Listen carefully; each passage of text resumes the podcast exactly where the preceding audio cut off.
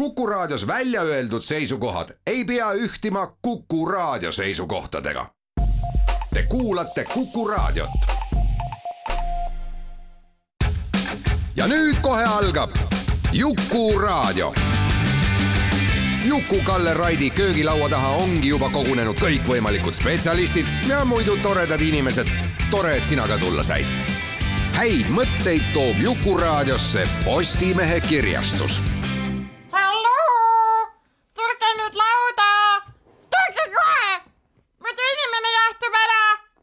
Taha ju jahtunud inimest, praegu on täitsa soe veel. peast, halloo. tere, hea Jukuraadio kuulaja, ilusat jaanilaupäeva. me ju teame kõik, et see on üks pidudest, mida oodatakse terve aasta otsa, et siis peas umbes lõkkesse hüpata. neljasaja kaheksateistkümnes köögilaud on meil Kuku klubis. ja kuna jaanipäev iseenesest on juba kord siukene, siukene püha, mil inimesed lisaks lõkkele, lõkkesse hüppamisele ohtralt äh, õgivad ja pugivad kõikvõimalikke asju ja meeletu niisugune grillimine käib. siis äh, üle pika-pika aja, äh, no vast ma ei tea, kas eelmine aasta kunagi olime me korraks toiduteemadel. ja kui nüüd äh, keegi loodab arvata, et me hakkame siin lugema šašlõki retsepte ette, siis see kindlasti nii ei ole. toiduteemadel on olemas palju raamatuid ja tegelikult juba mõni aeg tagasi jäi mulle silma ja ma lugesin läbi kirjastuse Argo raamatu. kuidas toita diktaatorit, nii et ühest küljest siis diktatuuri anatoomia. diktaatoriks saanud inimese selline käitumuslik anatoomia ja teisest küljest siis ka tõepoolest see, mida diktaatorid sõid. Kirjastuse Argolt on meil siin ennegi olnud hästi põnevaid raamatuid saate aluseks ja no diktaatorite köök on kindlasti põnev teema. sest ajalugu näitab meile, et ükskõik kui lihtsast kihist või ükskõik kust kohast see diktaator ütleme püünele satub. mingil hetkel, hetkel kipub ta ikka vähekene hulluks minema ja üks vorm on see, et ta tahab mingit väga eripära, eripäralist kööki tarbida nii ise loomulikult. kui ka siis kindlasti jahmatada sellega kõikvõimalikke külalisi ja inimesi, kellega ta kohtub. seda tõest-, tõestab meile Vitold Šablovski raamat Kuidas toita diktaatorit äärmiselt hästi. siin on, siin on äh, erinevaid diktaatoreid, kelle erinevad kokad siis räägivad oma pajatused ära, siin on Saddam Husseinist juttu. Idi Aminist, Enver Hoxast, Fidel Castrost ja Pol Potist. muidugi võib-olla Idi Amin on see, kes võtab kokku selle, selle kokandusalase õuduse müütliku kuju, ma arvan, sellepärast et me. paljud, kes on ajalooga ninapidi kokku pistnud, on ju kuulnud neid lugusid, kuidas Idi Aminile meeldis väga inimesi süüa. Ja isegi vähe sellest, et kusagil netis on ka mingid lood, kus siis pajatatakse, et inimest tegi ta nagu siga et, et inimese sealiha olla siis hästi sarnased ja noh, siis tegi, tegi inimest nagu siga ja muudkui siis sõi seda, no. meie nüüd ei tea, kas see on tõsi või kas mitte, aga katsume siis seda teemat veidikene siin veeretada. raamatu on tõlkinud Einar Väre. Nagu ütlesin, kirjastus Argo andis selle välja. Ja Einar on mul siin köögilauas ka, tere Einar. tere, tere! No pisut pikavõitu sissejuhatus, aga ega nende diktaatoritega on ja, ja köögiga on raske, sest eks ta vähekene valgub laiali ka ja lõppkokkuvõttes isegi siis, kui meie selline, ütleme, argimütoloogia ütleb, et diktaator oli väga tagasihoidlik, noh, me mäletame lugusid Leninist. kes andis kuivikud ja kala lastele ja suhkru ka ja jõi ise teed ilma suhkruta vaesekene. no igaüks võib seda joga ju uskuda, sest tegelikult me teame Lenini naise mälestusest, muudestki mälestusest, et ta armastas ikka väga, väga hästi süüa, väga hästi süüa, oli väga rõõmus, kui sai, eks. Ja teised temasugused ka, noh Stalinist ma ei hakka rääkimagi, need Kremli olengud. võib-olla Hitler vist tundub siukene olevat, kes sõi mingit kärbatunud kaalikat nurgas, sest tal oli range dieet. ta oli peaaegu taimetoitlane, mulle väga meeldib see peaaegu, et tegelikult noh, taimetoitlane, kas on või ei ole nagu rasedus, eks ju. aga Hitleri puhul öeldakse, et ta oli peaaegu taimetoitlane, ta tõesti nagu sõi ja, te, ja tema noh, nagu väidetavalt, et ta põlgas neid, kes söövad keha. Aga, aga temal oli küll tegelikult ta maksa palle sõi, sõi, et need olid ikka tema sellised ühed lemmikud. aga muidu jah, et tema olevat olnud siis selline taimetoitlane ja no eks ta, ta, ta üldse ei sellist, selliseid, ütleme selliseid stalinlikke pidusid korral, korraldada ei harrastanud, kus kõik inimesed täis joodeti. aga tuleme nüüd korraks selle raamatu juurde, tuleme, alustame sellest samast Idi Aminist. no me muidugi ei saa ilmselgelt, ma usun, mitte kunagi teada, kas ta siis haukas inimest või ei hauganud, aga siin on igal juhul tema Koka äh, lugu täiesti olemas ja see on siis äh, Otende Odera on selle Koka nimi jah, et noh, tegelikult kui, kui võib-olla alustaks sellest, et, et, et miks just selline teema, eks. No. et, et selliste kuulsate inimeste puhul on ju neli teemat või viis teemat, mis alati lähevad peale ehk siis üks on see, et mida nad sõid, teine, kuidas nad riides käisid, kolmas, palju neil raha oli, neljas, kus nad elasid, eks ju. ja, aga diktaatorite puhul tuleb veel üks, üks. palju teema. neil naisi oli ka. no umbes jah, ma ütlen, et see, aga, aga mis diktaatorite puhul tuleb juurde, on see, et mida nad, kuidas see, need asjad kõik mõjusid nende otsustele ehk siis tegelikult ju, ju see, et kas tal tegi selle otsuse täiskõhuga või tegi ta selle otsuse nüüd tühja kõhuga. nüüd selle Idi Amini puhul ongi see, et, et sellest raamat, noh, ma ütlen ausalt, ma ei taha kogu selle raamatu sisu ei. ümber jutustada, aga lihtsalt, et, et mõned momendid sellised, et, et tegelikult vaat sa ütlesid väga õigesti, et, et, et nendel oli siis, nad hakkasid nagu hulluks minema ja võib-olla nad realiseerisid oma unistusi või, või oma, äh, üritasid oma kompleksitest äh, üle saada. siis vaat äh, Idi Aminil oli see, et tema tahtis olla suurem kui valge inimene. tähendab, tema tahtis olla ja, ja. võimsam ja vingem. jah, just ja, ja on näha, et ka need tiitlid, mis tal olid ja, ja kuidas ta solvas, ütleme Suurbritanniat ja nii edasi, et aga, aga samas jah, et ja, ja tema köök oli ka siis valge inimese öök et tema tahtis, et talle valmistatakse seda toitu, mis on nagu valgete inimeste toit. siin Kokk ju mm, see Otende Odera ju pajatab ka, et ta oli väga rõõmus, kui ta sai jahmatada. et noh, kusagil keset Aafrikat eh, tulevad äkki mingid neegrid ja pakuvad jumal küll, paremini mingit üht või teist eh, prantsuse köögikõrgutis, kui seda oskavad just, teha prantslased. just, ehk siis temal oli, tema jaoks toit oli omamoodi sellise ülemvõimu ja, ja, ja, ja tema sellise võimsuse näitaja.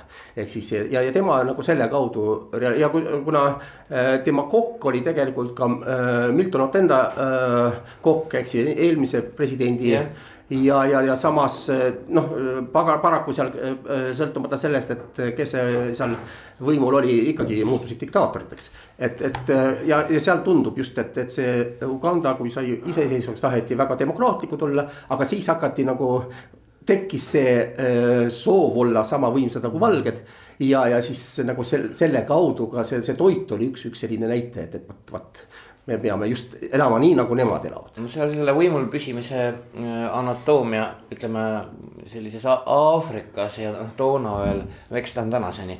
on ju raske ka, sest et kui sa isegi tuled noh, ütleme troonile, eks ole ju kavatsustega äh, putitada demokraatiat enneolematult, mida ei ole veel kusagil tehtud. See asi on selles, et varsti tuleb naaber suguharu ja lööb sul kirve selga. kui sa noh, nagu mingil, mingil moel ennast ei kindlusta. nii et see on üks paratamatult äh, kurb lugu tegelikult noh no., neil ei kipu see demokraatia kuidagi välja tulema. jah, no eks, eks ega demokraatia ongi selline asi, et, et seda tuleb viljeleda nagu, nagu, nagu inglise muru, et kakssada aastat äh, ja. lõikad ja, ja niidad ja niidad, enne kui see, see lõppude lõpuks tuleb, et, et demokraatiat ei saa nagu mõne aastaga ja mõne otsusega paika panna, et, et aga just, et huvitav just, just nimelt, et läbi toidu me näeme neid protsesse, mida noh. ja, ja need väga ilmselt ja, ja ilmekalt näitavad just, tõestavad seda, et, et mis, mis need, mis need protsessid seal oli. ja, ja samas näiteks no ka see, et, et kuivõrd tähtis see toit oli, et kui, kui kokk räägib sellest, et, et et kui äh, Idi Amin äh, tegi läbi selle riigipöörde, et õhtuks pidi toit valmis olema, et sellepärast, et inimene, kui pöörab riiki terve päeva, et siis tal kõht on täis või tühi. et, et ellu jääda, kokk, kuidas kokk pidi ellu jääma, et tal pidi alati toit valmis olema jah, seal on siin need kokad on ju ka tegelikult elavad surmahirmus, sellepärast et nad, nad ka, ka kardavad hirmsasti, et no eh, piltlikult öeldes, et, et jumala eest kusagil liiga palju soola või liiga vähe pipart ei oleks, sellepärast et siis on. Siis on nagu Lewis Carrolli Alice Simedamaal kuninganna puhul, et pea maha tal ja ongi kõike. ja seal noh, näiteks ka see, ma ei hakka jälle mm -hmm. jätan intriigi, aga, aga see magus pilahv ja see lugu, mis, mis sellega seoses on, on, on, on eriti, eriti ilmekas, et kas, kus, kus nagu päästeti sõna otseses mõttes päästeti nende kokkade ja, ja köögitöötajate elud. just sellele, et õigel ajal nagu saadi, saadi jälile, mis juhtus. Ja nii on, see on tõsi, et see selles mõttes on nendes köökides Mm, küll ei soovitaks ühelgi meie tippkokal töötades, et see on nagu selline, ta on ühest otsast kui nagu põnevusfilm, aga teisest otsast ikka päris õudne, kui sa. kui sa ette kujutad, et mis elu eh, ja kui õhuke, kui, kui, kui väike see niidikene on, mille otsas see kokaelukene siis ripub aga kuid siiski, mis sina arvad, et Idi Amini, Idi Aministe inimsöömisest ajaloos ei ole selles ju mitte midagi eripärast, sest et me, me teame no mitmeid, mitmeid, mitmeid juhtumeid, noh, kõik see vaenlase vere söömine, joomine ja. ja loomulikult ma ei tea, umbes südame ärasöömine ja noh, et omandada vaenlase osavuse julgust, see on ju. see on inimkonna ajaloos olnud ikkagi suhteliselt tavaline aastasadade ja sadade ja sadade jooksul. no tähendab, mina ütlen ausalt, mina väga ei usu sellesse sellepärast et noh, ka Kokk ütles, et, et. Kokk, Kokk, Kokk ei suutnud uskuda seda juttu. jah, just, et, et selles mõttes, et see, seda ei saa nagu väga varjatult, noh, kui ta oleks teinud seda varjatult, siis oleks kadunud sellel mõte. et see oleks pidanud olema ikkagi äh, selline väga demonstratiivne ja hirm, teiste hirmutamiseks aga, aga ma lihtsalt, miks, miks mina nagu ei usu sellesse ja, ja just selle raamatu ja pärast ma natukene uurisin ka seda asja. Et, et Idi Aminil oli ikkagi komme ennast hirmsamaks teha, kui Äh, kui noh, see on see heidut-, tänapäeval heidut, heidut, jah, heidutamise poliitika, et hirmuta, et ei, ega keegi vastane ei tea, kas sa teed seda või ei tee. aga igaks juhuks hirmuta ja, ja vot, vot temal oli jah, tõepoolest see, et ta üritas nagu ennast näidata hirmsamaks ja, ja see tema käitumine oli väga ootamatu, ekstravagantne, et, et ka, ka sellistel ametlikel vastuvõttudel ja nii edasi. et, et võib-olla mina kujutan ette, et see oli ka üks tema sellistest äh, Äh, noh, seal on ka teine asi, et, et see, mida me teame sellest, see on tema vastaste jutud mm. -hmm. et, et, et ja, ja võib-olla ta, ta lihtsalt tegi seda, et ei, ei lükanud neid ümber et noh, et räägite ja las, las ta olla, et, et, et me teame ka ajaloost ka teist, teistel puhtudel. et kus, kus lastakse vaenlasele rääkida endast hirmsamaid jutte. Et ei, ei, ei. see töötab hästi. jah, just ja ei tõesta seda, ei lükka ümber, aga las nad räägivad no just, nagu siin ploki alguses mainitud, on siin ka teisi selliseid päris veriseid tegelasi, Saddam Hussein, eks ju, siis Enver Hoxha, Fidel Castro, Pol Pot. üks asi, mis jääb veel silma nüüd nende diktaatorite kokkade juttu kuulates, no kes rohkem, kes vähem, aga üldiselt kiputakse seda diktaatorit alati õigustama, loomulikult, no ma olen tema juures ju pikka aega töötanud ja ärge nüüd arvake, et äh, seal iga päev, ma ei tea, veri voolas ja pead lendasid ja noh. see on nagu mõnes mõttes nagu eneseõigustamine. aga teisalt on jälle nii, et mm, diktaatorid võivad olla väga karismaatilised tüübid, antud raamatus see.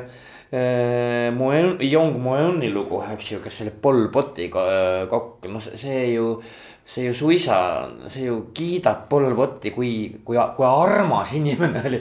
Pol Pot oli nii armas inimene. jah, jah, meie inimene, nii armas. siin tuleb jällegi arvestada seda, et, et ta oli noor neiu just, just. kes nägi äh, ja, ja tuleb arve, arvestada, et, et, et mees, kellel on võim käes, ta alati paistab natukene ilusam ja, ja natukene äh, äh võib-olla mm, külgetõmbav et, et, et selles mõttes, et, et ma usun, et seal oli ka, väga paljuski selles, et see oli selline noore neiu romantilisus ja, ja noh, teiseks on ka see, et, et kus nemad ikkagi elasid mitte, mitte palees, vaid, vaid see oli tõeline partisani elu. et, et yeah. elati ju džunglitest ja, ja tehti toitu ja sellest, mis, mis nagu ise kasvatati ja seal ongi just see, et kuidas tegelikult ju see, see partisani selline toidu kasvatamise taktika, et sa äh, sööd tšillipipart ja sülitad need seemned maha, sellepärast et seal lihtsalt kasvab kogu aeg kõik mm. -hmm. ja et kui järgmised sõdurid tulevad sinna või võitlejad tulevad sinna, siis neil on ees toit, et, et noh, et, et selles mõttes see, see, see tõesti lisab sellist romantilisust. et ja, ja ütleme, et ka kokkade puhul on jällegi see, et ega nemad ju ütleme ausalt, et ega nemad neid metsikusi kõiki ei, ei teadnud ju. ega siis äh, ei Pol Pot ega kõik isiklikud ei käinud tappas, et küsimus oli selles, et, et äh, anti, nemad andsid käsu mm. -hmm. tegelesid sellega teised ja, ja, ja siis äh, need inimesed, kes olid vahetult see, selle äh, diktaatori juures siis nemad noh, diktaator, diktaator ju võis seal omade keskel ja, ja üleüldse ta, ta võibki olla väga hea iseloom olla. aga küsimus on selles, et milliseid käske ta annab, ega siis äh, need käsud ei tähenda seda, et nad kõik on ise vereimejad ja, ja, ja. ja jooksevad äh, püss noh, nagu Idi Amin seal jooksis mööda kööki püss käes. kõik ei ole sellised, et, et selles mõttes mina näiteks tõesti äh, usungi seda, et, et neiu väga noh hiljem ta oli muidugi siis, kui teda intervjueeriti, siis ta oli juba selline vanem daam. aga, aga noh, et see, see noor, nooruse selline romantilisus, see, selle ta sai. see oli tal väga meeles ja, ja. see oli tal väga meeles ehm, milline, ma, me tõesti, me rohkem seda raamatut ümber jutustama ei hakka mm, -hmm. aga ütleme, võtame korraks äh, Äh, Einar, et, millise, milline lugu sind, kes sa selle raamatu tõlkisid, ennast kõige rohkem kõnetas või ootamatum, huvitavam oli, et milline neist viiest Hussein, Amin, Oksa, Castro või Pol Pot? noh, ütleme nii, et minu jaoks oli kõige natukene ootamatum äh, või siis see arusaamatum natukene, oli äh, Enver Hoxha lugu Mm -hmm. et ja, ja, ja tema siis selle äh, Koka härra K. jah, just nimelt härra K. jah, et ta, ta, ta senimaani ei julge nagu oma nime välja öelda Täpselt. ja, ja, ja pilti, pilti ei ole temast. aga noh, mis minu jaoks oli, just pani mind jahmatama, et tegelikult sealt tuligi just see, et, et äh, kuna härra diktaatoril oli, oli elementaarne suhkruhaigus, ma tean, millest ma räägin mm, -hmm. eks. ise, ise äh, sellega öö, tegelen et äh, seal oli minu jaoks nagu arusaamatu see, et, et äh, need äh, arstid otsustasid, et tema võib päevas süüa ainult tuhat kakssada kilokalorit siis talle loodi seal see noh, kui, kui öö, lugeda, mida ta päevas sõi, siis ma üldse ei imesta, et ta öö, inimesi vangi saatis. et ja, ja kus. tal oli kogu aeg halb tunne. just nimelt jah, et, et, et kuidas siis kokk leidis selle võimaluse talle magusat pakkuda suhkruasendajatega. aga, aga samas näiteks no tuhat kakssada kilokalorit, see on selline äh, vajadus, mida päevas inimene äh, vajab, kui ta ei tee mitte midagi mm. -hmm. et tegelikult äh, tähendab, kuna Enver Hoxha oli suur mees võrdlemisi pikka kasvu ja ta oli ikkagi aktiivselt noh, aktiivselt tegeles siis minu jaoks jäigi see natukene arusaamatuks, et miks nad teda näljutasid, et, et, et. et oleks võinud nagu mehel natukene võib-olla rohkem süüa anda ja oleks aga noh, muidugi seal olid meedikud seal taga ja võib-olla neil oli mingisugune oma selline selli-, aga lihtsalt mina lähtusin oma elukogemusest, et noh yeah.. et, et kuidas mina sellega tegelen ja, ja kuidas mina sellega hakkama saan, et. et, et, et põhimõtteliselt äh, nagu äh, võib-olla oligi see, et, et äh, väga paljud inimesed sattusid vangi ainult sellepärast, et oli näljane sel hetkel. no seda, seda teooriat on kasutatud ka onu Hitleri puhul, eks ole et onu Hitleril oli ikkagi nii ütleme sõna otseses mõttes kusine köögilaud, et praegu täna õhtul meil toimuva jaanilaupäevaga ei anna võrreldagi. ja nüüd ka, et, et tal oli olid ju ka mm, terve pande arste, kes siis noh, piiras eh, kõikvõimalikul moel, noh see jääb tigedaks kindlasti. ja no teine asi on see, et, et ka arstid seal lihtsalt nad üritasid ennast eh, ka oma tagalat kindlustada. no ikka, nad on vajalikud. jah, et kui midagi jah, ja, ja kui midagi juhtub, siis noh, eh, nemad ja nemad on süüdi. aga, ja, ja seal oligi te, nagu mõnevõrra võib-olla see, see selline lähenemine, et aga, aga noh, see, see ei tähenda seda, et ma oleksin õigustanud siis diktaatorit selle pärast. Yeah.. ega siis eh, halb tuju ei tähenda seda, et, et ja, ja no, teine küsimus on see ka, et, et noh, et Hoxha puhul see oli ikkagi puhtalt selline kommunistlik, kommunistlik ideoloogia, seal, seal eh, nagu selle taga oli, oli ju suuremad asjad kui, kui, kui lihtsalt mingisugune toit või, mingisugused tema enda arusaamad. nojah, eks kommunistlik ideoloogia ei ole mitte kunagi mitte kusagil võimaldanud Äh, ütleme ehitada mingi väikestest äh, armsatest tellistest mingit riigikorda, aga seda on alati kaasa tulnud väga kõvad mõrvad, no pole erandit, ei ole meil. no jah, et selles mõttes, et tegelikult on, on Kui... jah, on üks kommunistlik ühiskond oli täiesti olemas ja see oli Ruhnu saar. ja, ja, ja, ja, ja selle kohta noh ütleme Äh, seda ka..., seda võib endale väga väiksel territooriumil just ei, vaat seda, mida ma tahangi öelda, et, et tegelikult äh, üheksateistkümnenda sajandi Rootsi ajakirjanduses, eks ju, kui kirjutati Ruhnu saarest. siis äh, noh, seal üheksateistkümnenda sajandi keskpaik, siis kirjutati Ruhnu saarest kui kommunistlik sotsialistlikust saarest. ja seal oligi sii-, et nemad olid sotsialistid tööjaotuse poole pealt ja kommunistid töö tulemuste jagamise poole pealt. et, et ja, aga seal oli tõesti, et see oli väike kogukond kus noh, sa ei saa äh, nagu laisa äh,, laiselda, sa kõik pidid töötama kõik ja, ja kuna kõik töötasid, siis kõigile ka jagati need töö tulemused, et siis tegelikult mm -hmm. kommunism, äh, selline, äh, selline kogukond on, on väikestes, kus, kus sul on tõesti looduslikult määratud, et, et kõik peavadki ühtemoodi tööd tegema, et siis saab. muidu ei pääse ära. No siin, eh, siin raamatus ei ole, aga mulle kunagi tõi Gert Valdaru, kes on praegu pagulasabi kriisikeskuse juhataja, tõi kunagi sihukese raamatu, mis räägib Jossip Broz Tito ehk siis Jugos-, föderatiivse Jugoslaavia diktaatori Koka lugu, et see on siis nagu Koka, ka Koka intervjuud ja siis see oli üks, oli ka üks väga huvitav asi, sellepärast jälle nüüd ütleme idabloki diktaatoritest ta ikkagi äh, mingi päris mõnes mõttes erines oma käitumiselt, et ta oli eh, noh, esiteks ta julges vastu hakata vuntsikale Stalinile, eks noh, mis oli ennekuulmatu idablokis, et see noh, seda flirtis juba peale sõda kohe läänega, eks ole ju. või noh, võib-olla just see flirt siis jättis talle, jättis võimaluse ajada Nõukogude Liidus sõltumatult oma isepäist ja mingit noh, kentsakat riigikorda, mis siis muu selle idablokkiga ei klappinud ja oli väga šikk mees ka ja selles mõttes teda kutsutigi šikiks kommunistiks. ja ta, tema ju erinevalt siis muust idablokist, mis oli siis, ähm, mis oli ikkagi lääne suhtes ju umbusklik ju väga hasartselt ja uljalt võõrustas mitte ainult igasuguseid lääne poliitikuid, aga ka ütleme sellise noh kommunistliku ühiskonna jaoks väga äh, ideoloogiliselt võõraid tegelasi nagu kõikvõimalikud näitlejad ja isegi popmuusikuid ja noh, mingi sihukene asi, mida äh,. mida, millega noh, ütleme näiteks Nõukogude Liidus kindlasti ei tahetud arvestada vähemalt enne, enne Hruštšovi sulamit.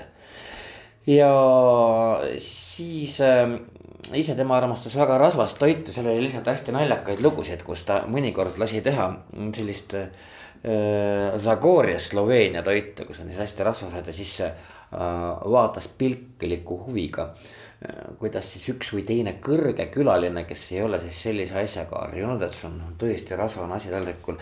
et kuidas ta siis sellest toidust jagu saab, ühesõnaga väikene sadism kuulus ikkagi tüübile asja juurde nii et sinna ei ole vist midagi parata. no see on tegelikult äh, ka üks äh, noh, ka müüdi tekitamine. ehk siis sellise diktaatori puhul ju tema suvast sõltub inimese saatus ja, ja tegelikult ongi see, et, et ta ühelt poolt võib endale lubada see, noh, ka selles raamatus on mm -hmm. samamoodi nagu ka, ka Saddam Hussein seal Äh, mõnitas äh, oma külalisi ja, ja nii edasi.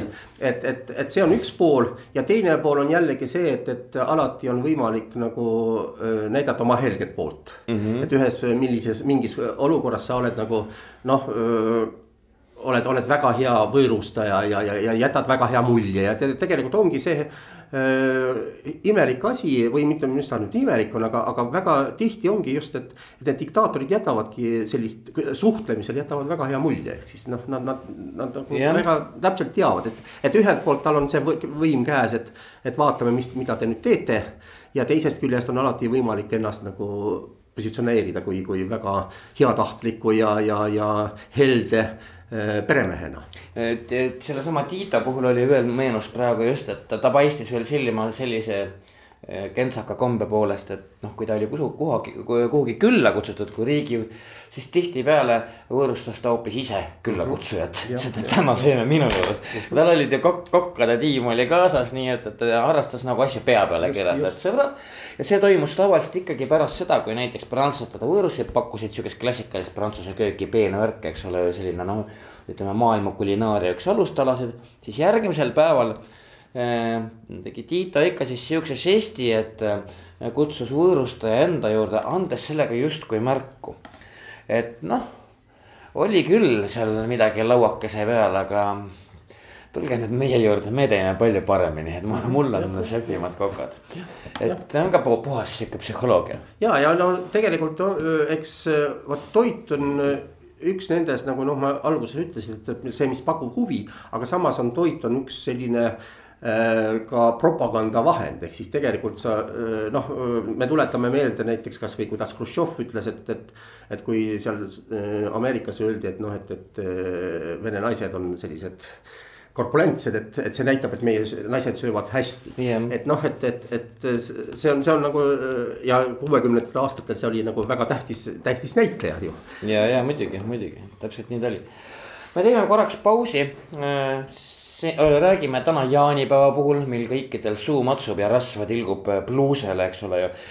räägime sihukesest raamatust nagu Kuidas toita diktaatorit, autor on Vitold Slabovski, me ei jutusta seda ümber, aga tõlkija Einar Väraga, ajaloodoktoriga. natukene vestleme teemadel diktaatorlus, toit ja mida see toit siis semantiliselt tähendab.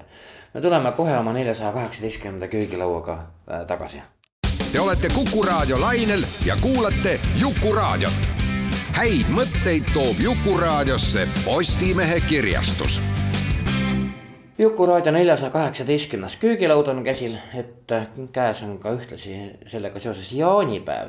ja inimesed on šašlõkist tiined ja kõigest muust heast paremast, siis me otsustasime keskenduda õgardlusele. ühesõnaga tegelikult köögile ja toidule ja selleks andis ka teise sellise, ütleme kokkuvõtliku aluse üks kirjastus Argo poolt välja antud raamat, kuidas toita diktaatorit. Vitold Slabovski on selle asjanduse autor. Einar Väre on tõlkinud, kes esimest plokki eh, kuulas, teab, et Einar on ka siin, nii et me võime kõikidele uuesti tere öelda, eks ole. tere, tere, tere. ja raamatus jah, et, et nagu siin sai mainitud, see raamat räägib siis viie koka, viie diktaatori, väga verise inimese koka loo keskendudes just sellele, et mida üks või teine diktaator sõi, siin on siis jutt Saddam Husseini kokaga Idi Amini kokaga, Enver Hoxha kokaga, Fidel Castro kokaga ja Pol Poti kokaga.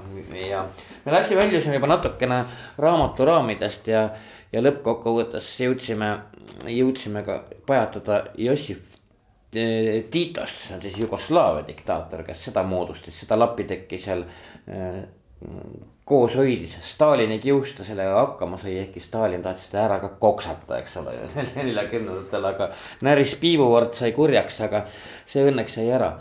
aga tõepoolest, et kui me nüüd mõtleme mm,, mõtleme selle peale, kes ühel diktaatoril võib külas käia keda ta toiduga võõrustab, ma lihtsalt, ma võtsin sealt raamatust ühe koha, no siin on toonased absoluutselt kõik tipud, kui me räägime nüüd Tiitost, eks see kippus niimoodi olema, aga ka mujal, eks ju, alates jah, Kenneditest ja, ja, ja mingi Elizabeth teisest ja.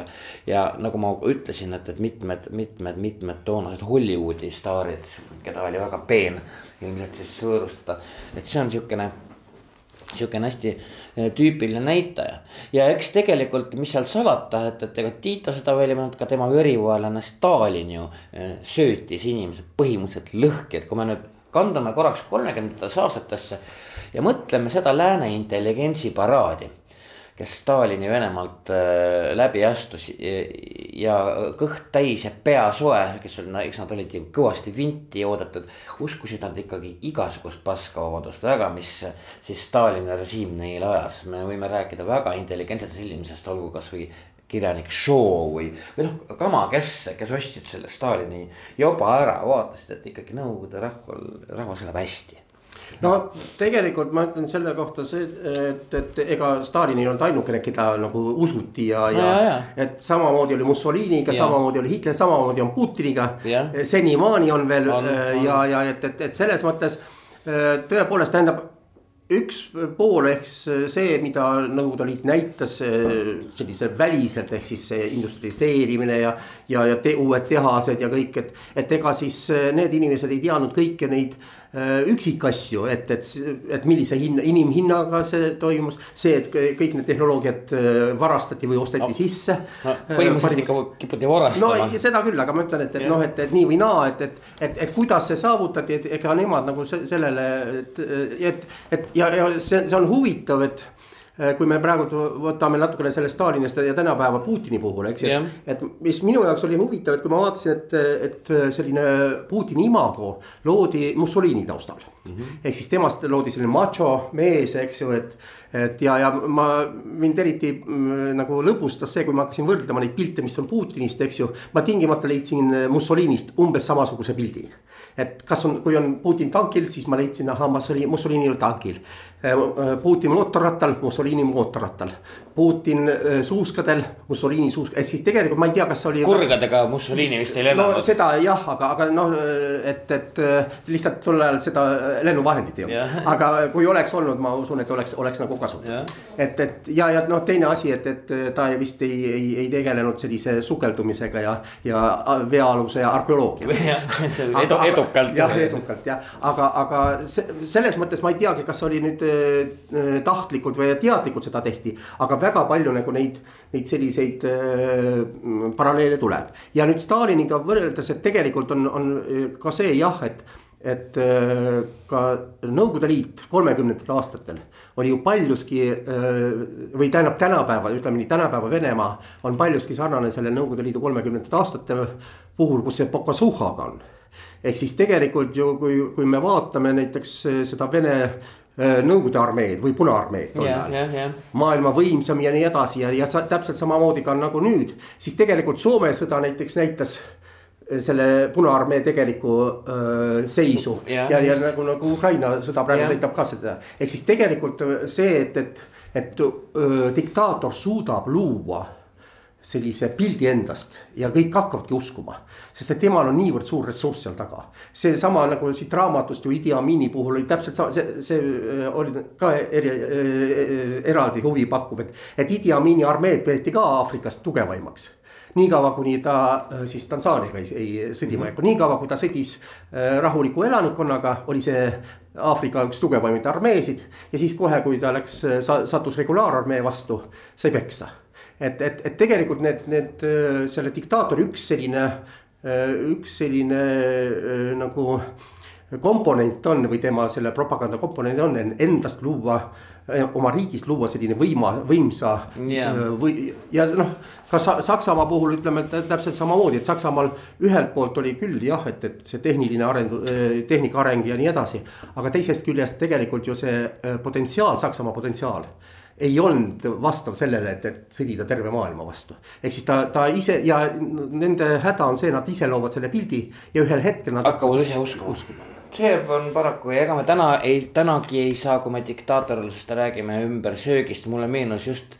kes kurat oli see napakas ja ündine naine, välisministeeriumi kõneisik, kes Zahharova. Zahharov ja see, kes on juba täitsa legendiks muutunud. Maria Zahharova jah, kes süüdistas, et tegelikult ukrainlased on Venemaalt börsi varastanud. ja noh, ja, ja, ja no vaat seal on see ka, et, et tegelikult selle noh, praegusel hetkel kogu see värk. võib-olla tulebki tule, meelde tuletada Marxi, kes ütles, et, et ajalugu äh, toimub esimene kord tragöödiana, teise, teine kord farsina mm. -hmm. et, et selles mõttes on tal õigus, kui me vaatame seda, mis, mis toimub toimub, aga, aga äh, noh, Venemaa puhul on, on ikkagi see ka Ukraina sõja puhul võtame, et, et tema võib endale kõiki selliseid lubada just sellepärast, et tal on seda ressurssi niivõrd palju. ja ta ei, ta ei, sellest ressursist ei pea hoolt. noh, et, et need on ja, kaks ja. asja mm, -hmm. et, et mul on seda ressurssi palju ja ma ei äh, nagu ei, ei karda seda kulutada mõttetult. aga siseneme nüüd korraks kööki, siin raamatus ei ole juttu mm, Putinist ega muudest Vene diktaatoritest küll aga kohe meenub mulle, et ütleme, vene õukond, noh, eks see, see on köögiga alati väga äh,, väga tihedalt seotud olnud. kui me nüüd mõtleme juba ütleme siis saadikute kirjeldusi Ivan Julma nendest pidulaudadest, noh, mis muidugi paistsid silma äärmiselt ohjeldamatu joomisega eelkõige ja kus. no kus saadik pidi selle kõik kaasa tegema, et on te, teisiti ei, ei saanud lihtsalt ja noh. kus ikka inimesed kukkusid põhimõtteliselt pikali ja võisid ka otsad anda, eks ole, et noh, seal nii kõvasti seal napsi võeti. et need on ju samamoodi Peeter Esimene, eks ole, ja nii edasi, et seal on ikka niuksed ohjeldamatu prassimise traditsioonid jah, ja, ja tegelikult seal nagu naljaga pooleks öeldigi, et, et see nagu eesmärk oli saadik täis juua. mingi loll leping ära teha. ja, ja järgmine hommik ärkab üles, midagi ei mäleta, aga leping juba allkirjastatud mm. -hmm. et noh, et, et, et see, seda noh, see on selline, ütleme, bütsantslik ja, ja. aga just nimelt, et, et Putini puhul nüüd on täiesti pilt teistsugune yeah et, et temast luuakse ja üritatud luua inimesest, kellel on sellised tervislikud eluviisid. ja noh, kui temalt endalt küsida, mida, mida ta sööb, et ei, ega mul erilisi nagu eelistusi ei ole. et kui on kala ja liha vahel, siis võtan kala, söön siis neid juurvilju, köögivilju. lõuna ajal üritan keefirit juua ja, ja siis midagi veel, kui ei, siis ei söö üldse ja, ja, ja siis noh, et, et umbes, et tema jaoks nagu toit ei ole üldsegi esmatähtis ja, ja, ja see on, mis on eriti äh, mind pani imestama, et veel aastal kaks tuhat kakskümmend üks lõpus, äh, detsembris kusagil või novembris. oli äh, Hispaania üks ajakiri, kus võrreldi siis erinevate riigijuhtide toiduharjumisi mm. -hmm. ja seal oli just noh, toodi seal Trump, kes sööb hamburgere ja, ja, ja, ja siis ja, ja, ja siis Putini puhul oli, et vot tema sööb tervislikult ja temal on tervislikud eluviisid ja noh, vot see temast see äh, pilt, loodud pilt yeah., nad jäid jälle seda uskuma. ja, ja nüüd, nüüd äkki on kadunud, nüüd kõik otsivad tal haigusi ja, ja, ja, ja siis ootavad, millal ta nüüd ära sureb ja nii edasi ja, ja nägud on tal paistes ja nii edasi. et siis noh, et, et, et tegelikult nagu see pilt nüüd selle mõne kuuga täielikult muutus, et enam keegi ei räägi Putinist kui, kui, kui elutervest mehest nojah, Putin, Putina me võime rääkida veel ühest sellest legendist, mis tõesti ei vasta tõele, on see, et, et Putini vanaisa olla olnud Stalini kokk. no tähendab, seal oli nii, et, et, et tegelikult äh, miks see legend üldse. aga no, kokk ta oli. kokk ta oli. ja, ja, ja ta, ta oli ka Lenini õukonnas äh, oligi. no Korkis ta töötas ja. tõesti ja, ja, ja, ja, ja öö, oletatavalt ta öö, tegi süüa ka, ka Äh, Krupskaja ja, ja tähendab äh, Lenini pereliikmete jaoks, aga mitte nüüd kõige kõrgemate jaoks ja hiljem ta. aga no küsimus ei olnud isegi tegelikult selles, selle, äh, selle legendi looja oli pigem Putin ise, sest et siis mm, -hmm. kui ta mhm. aastal kaks tuhat pürgis nüüd nüüd äh, riigivõimule, siis tal oli vaja tõestada vene rahvale, et te võite mind usaldada. vaadake, minu vanaisa tegi süüa kõige kõrgemate riigijuhtidega. ja ke, kedagi ei mürgitatud. just, just ja, ja, ja, ja, ja et, et, et, minu, ma olen usaldusväärne. ja, ja, ja, ja, ja samas on huvitav, et, et kui veel noh, ütleme äh, siis kaks, kaks, kahe tuhandete algul kirjutati tema elulugu, noh hakati kohe neid elulugusid kirjutama äh,. siis äh, tegelikult alguses see, see pilt ei olnudki temast nii väga väga roosiline. Mm.. ehk siis noh, et kui, kui Putini naiselt küsiti, siis tegelikult, et ta oli, peres oli ta ikka despoot. Äh, ta mitte kunagi naist, tähendab, tema põhimõte oli, et, et naist ei tohi kiita, kui naine teeb head yeah, hästi yeah. süüa, siis. siis ära ütle midagi head, sellest rikud naise ära. ja, ja, ja äh, ka Ludmilla Putina ütles, et, et noh, kuigi öelda, arvatakse, et Putin ei ole nagu toidu suhtes eriti valiv. et tegelikult, kui tal miski asi ei meeldinud lõuna ajal, siis ta võis jätta kogu lõuna söömata. et siis noh, et, et tegemist ei ole no, niivõrd nagu sellise ja, ja, ja siis oli huvitav, et kaks tuhat üksteist, kui äh, Peterburis põles maha restoran Podvorje, mida peeti nagu Putini selliseks lemmikrestoraniks. siis äh, kommunist, kommunistide ajalehed kirjutasid just, et, et kui korraga Putin käis söömas. siis see arve oli selline, et selle rahaga võiks seitse venemaalast toita Mm -hmm. et ega, ega nagu noh, see on ka arusaadav, et ta tuleb, ta, mis, kust maailmast ta tuleb eks ju, et tema jaoks oli ka see äh, sellise äh, heaolu näitaja oli ka söömine. et selles mõttes ei, ei, ei ole ta midagi olnud. ja muidugi absoluutselt mitte, sest et kangi alt on ta pärit, eks ole ju ja lõppkokkuvõttes Piiteri, Piiteri kangi alt Moskva Vaksali lehistelt et, et loomulikult on see mm, sihukene noh, iseendale oma staatuse näitamine just. või, või kinnitamine, eks ole aga siiski jah, kuna kokana ta töötas Putini vanaisa ja selles mõttes jah, ta tõesti ei teinud Stalinile, tõenäoliselt ei teinud Stalinile süüa. aga küll, aga seal mm, Stalini lähikondsetes suvilates ta on toitnud ka Hruštšovi, eks ole. no Putini. ja räägitakse jah. jah, jah, et, et selles mõttes ta ei olnud lihtsalt mitte niisama äh, kokk see Putini vanaisa, vaid ikkagi, ikkagi küllaltki kõrge ladviku kokk mm. -hmm. jah ja noh, tegelikult on Spiridon Putini puhul noh, öeldakse, et tema ise, talle endale ei meeldinud süüa teha. et see küll oli tema töö, aga tema ütles, et, et näed, et, et teed valmis, nad söövad kõik ära, vene keeles on sažrut. jah, õgivad ära. ja õgivad ära kõik ja, ja mitte midagi ei jää ehk siis noh, tema jaoks oli see just võib-olla see tema eh, elutöö küll. ja pärast aga, teadagi, mis peldikus juhtub sellega ja, tema elutööga. jah, et, et, et, et tema jaoks nagu see, see eh, kokatöö ei olnud nagu selline eh, mis talle pakkus lõplikku rahuldust, et jah, et ta tegi seda tööd, aga, aga see noh, vähemalt kui uskuda neid jutte, mis, mis selle tema kohta käivad seal on ka see värk, et kui me nüüd tudeerime mingit sihukest nõukaaegset kirjandust ja ma ei räägi nüüd ütleme tsaariaegsest Venemaa kirjandust, kui Koka amet oli hästi peen ja auväärne ja noh, peeti kunstiks. siis ka äh, kõikvõimalik kirjandus noh, annab ikkagi märku, et, et see kokk kokk olemine ei ole ikka mingi mehe amet, et mees peab ikka automaadiga ringi töllama ja lendur olema ja tankist olema ja mõtlema, kuidas fašistidele auk pähe lüüa mitte tõepoolest keetma karduleid kusagil, eks ole. jah, no see on sellise patriarhaalse ühiskonna noh näite, et, et, et. et kuigi öö, on ju teada, et kõik kuulsamad sellised kokad, need on olnud ju Venemaal on olnud meesterahvad, see, see oli, see oli meeste, meeste amet see nüüd pisut jah, me läheme enne, sest et, et ütleme selle nõukogude ajal siis see kuvand ikkagi, see kuvand ikkagi oluliselt muutus ka. no seal oli väga lihtne see ka, et, et tegelikult oli vaja ju rahvale, rahvalikud toidud leida, et, et ega ütleme äh, võib-olla tsaari ajal äh, sellele ei pööratud nii palju tähelepanu, et üritati nagu need peened kameerid, äh, tsaariaegsed toidud nüüd rahvalikuks teha, aga, aga tuli lähtuda sel-, nendest. jah, nendest toiduainetest, mis olid olemas, et seesama väga kuulus Olivier salat, eks. sellest sai pealinna salat. jah, just, et, et tegelikult ju, ju see algne see retsept on, on tunduvalt peenem.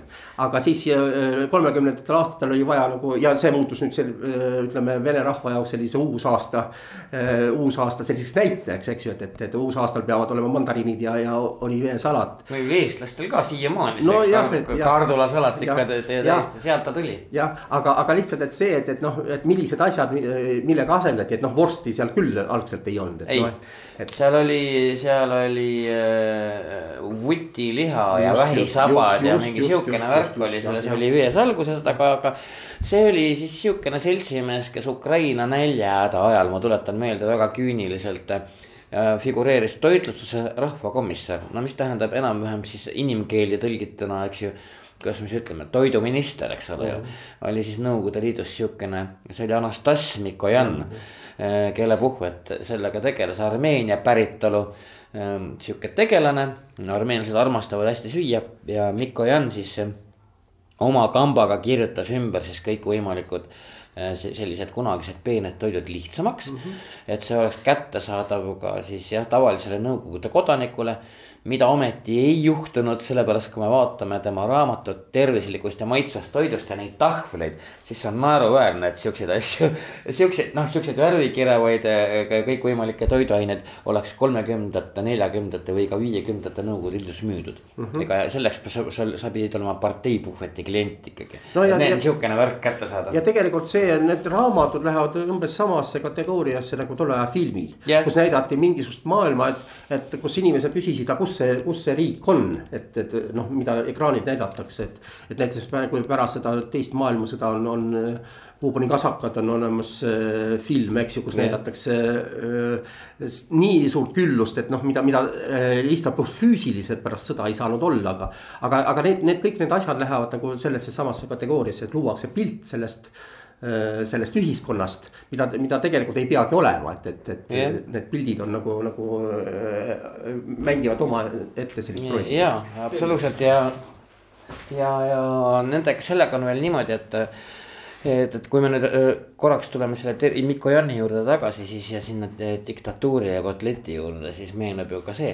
et sa siin ütlesid, et noh, et, et kui siin võrreldi, et mida siis sööb Trump ja, ja mida sööb tervislik Putin, et Trump pugib hamburgerit ja kui selle all, kui Putin sööb porgandit ja on seetõttu väga tubli. ja kõigile eeskujuks, siis, siis tegelikult seesama Mikojan tassis ju kunagi esimesed hamburgeri tegemise liinid Nõukogude Liitu, ma aastat ma ei mäleta, aga see võis olla ka kolmkümmend kuus, kolmkümmend seitse. et ta tegi Ameerikas ju terve ringkäigu. Eh, kus siis, eh, kust siis sigines Nõukogude Liitu esimest korda äh, aparaati, mis tegi hulgijäätist ja siis teine, teine asi, mis tegi siis hamburgerit. lihtsalt selle vahega, et Nõukogude Liidus muutus see hamburger, kurat teab milleks ja õige varsti juba esimese aastaga, nii et, et ta ei olnud enam siis kotleid kahe kukli vahel. Eh, koos salati ja tomati ja mis seal käisid, see väike kastmekene. vaid lihtsalt oli mustal leival kotlett ja siis seda nimetati kotleta po-moskovski. ja see on nagu ehe näide, kuidas, kuidas Venemaal nende asjadega läheb, eks ole ju. et, et nad justkui, justkui ostad mingi täiesti võimaluse ära sellesama tootmisliiniga, aga siis lõppkokkuvõttes ei kasuta. sealjuures veel äh, kiitled ka, et, et äh, Nõukogude Liidus, see oli Hruštšov küll hiljem. Nõukogude Liit võib toota nii palju kokteile, et Ameerika kukub käpp või nii palju kotlette, et Ameerika kukub käpuli. me siis nüüd kujutame ette kui palju neid kotlette on ja kui, kui, kui hirmsasti ameeriklased on siis alandatud, et Nõukogude Liit nii palju kotlette võib toota. aga see on seesama jutt, mis praegu toimus, kui no, kui McDonalds läks Venemaalt ära. me teeme ise parema, me teeme ise parema. ja, ja Vanja ja mis neil seal veel ja. on ja, ja, ja, ja, ja küsimus tegelikult, et, et vaat see on see üks, üks äh, naljakas nagu nähtus Venemaa puhul. et venelased praegu räägivad, et nemad asendavad kõik igasuguse impordi ja, ja ei, ei ole vaja. tegelikult tegelikult äh, riik, kus on sada nelikümmend miljonit inimest, eks ju, nendest ostuvõimelisi on, äh, on üks kolmandik, eks ju. see on, see on äh, niivõrd väike, väike turg, et sa ei suuda kõike asendada ja seesama hamburger, mille noh, neile tundub küll, et no mis see on, see kotlet. tegelikult küsimus ei ole hamburgeris ja, ja selles saias, vaid võrgustikus kuidas see asi toimib, et, et, et see, et, et, et see hamburger on, on igas riigis ühe samasuguse maitsega, kõik, kõik see saavutatakse. ja, ja see ei ole lihtsalt, et noh, et me siin nurgas teeme endale saiad ja, ja teeme endale äh, mingisugused kotletid valmis, vaid, vaid see on, see on äh,, see on majanduslik nähtus, mitte, mitte, mitte nagu äh, toidu valmistamisel diktaatoritest me räägime, meil on mõned minutid veel aega, et, et jah, aines meie jutuajamiseks on siis Kuidas toita diktaatorit raamat. Vitold Sablovski ja, ja Einar Vära, kes on siin täna meil saates. on selle raamatu tõlkinud ja me siis oleme vestelnud diktaatoritest ja köögist, samas mulle tuleb, me peame ühe aspekti ikkagi meelde tuletama, et ükskõik kui hästi on diktaator söönud, et ütleme see on nagu mingi pöördvõrdeline seos, mida paremini hakkab aja jooksul diktaator sööma, seda sitemini saab süüa rahvas. no võib-olla mitte alati, mitte alati, tegelikult on mõni diktaator on suutnud asja ju nii hulluks ajada, et isegi temal on toiduga saa-. Enver Hoxha, see, kus oli vaja ta, talle tuli meelde, et kunagi ta on söönud ju kivideta viinamarju ja siis, kui kokk pidi noaga need, need jah sealt välja kookima, et, et tegelikult võib üks selline diktaator võib selle riigi nii kaugele viia, et, et isegi temale, tema jaoks enam ei, ei jätku. no sama oli ka, ka Kuuba puhul, no kui muidugi yeah,, yeah, no. et, et kus, kus nagu on, oli näha, kuidas äh, liha kadus ja kõik need asjad. ja, ja see allakäik igavene ja siis ja lõppkokkuvõttes kõik selleks on ju ainult üks retsept tuleb oma rahvale leiutada siis mingi täiesti jabur jutt, miks asjad nii on mm. -hmm. Nõukogude Liidus hakati see oli vast, nüüd paranda mind Einar, kui ma eksin, seitsmekümnendate algul rääkima, et liha ongi kahjulik, et see oli. ei, no ma ütlen rohkem, ma kuulsin ise oma kõrvaga kuulsin, kuidas, et kurgid on kahjulikud. et noh, et, et, et sealt sõltus see, et mis, mis letilt kadus. see oli kahjulik. see oli kahjulik, et, et, et seda, seda nagu neid igasuguseid jutte, et see, et, et et noh, mina olin koolipoiss, kuidas meil seletati, et vaadake, et miks ei ole meil suitsuvorsti, sellepärast et Kuubal on vaja saata, aga me ju ei saa sinna keeduvorsti saata, sellepärast ei. ei, ei, ei pea nii kaua vastu, et, et seepärast me peame saatma Kuubale siis suitsuvorsti, ise sööme siis keeduvorsti ja nii iga kord otsiti mingisuguse selle, see ja kusjuures, mida jaburam see selgitus on, seda paremini see peale läheb. et, et noh, selle peale kujutad ette, et, et kõik kuupalased sõid kogu meie suitsuvorsti ära, noh. Ei, see on, need on nii toredad lood. Äh, lõppkokkuvõttes samal ajal tiksus selliseid kurgu ja voolahäälitusi kuulda laskev Brežnevi tipus, kelle naise kohta on siiski küll öeldud, et, et see oli väga-väga hea kokk, Brežnevi naine. Ja muuseas kogu toonane ladvik äh, armastas ikkagi siis Brežnevi naise tehtud äh, asju süüa, mul on meeles üks retsept, kus äh, mingi tema täidetud paprika ja.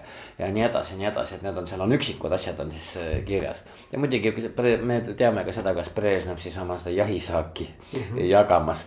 et milline keskkomitee esimene inimene saab millise tüki, milli-, millisest ulukist mm, -hmm. mis on Brežnevile ette aetud ja mm -hmm. kus ta jah, need, need lood on. ja, ja pärast tema surma siis vaadati, kes millisel kohal on tema kirstu juures, et siis. ja see on tõsi, see, see kuulub ka alati asja juurde, see kuulub alati asja juurde aga okei okay,, me lõpetame tänaseks neljasaja kaheksateistkümnenda köögilaua, me soovime Einar Väraga ikkagi head jaani, et ärge lõkkesse hüpake.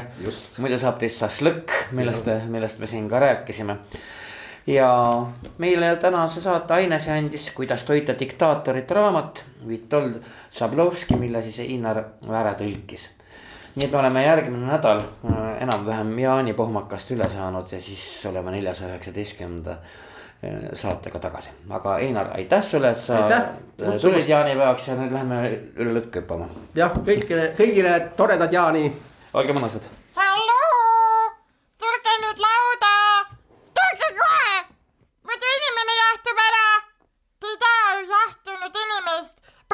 täitsa soe veel peast. halloo. häid mõtteid toob Jukuraadiosse Postimehe kirjastus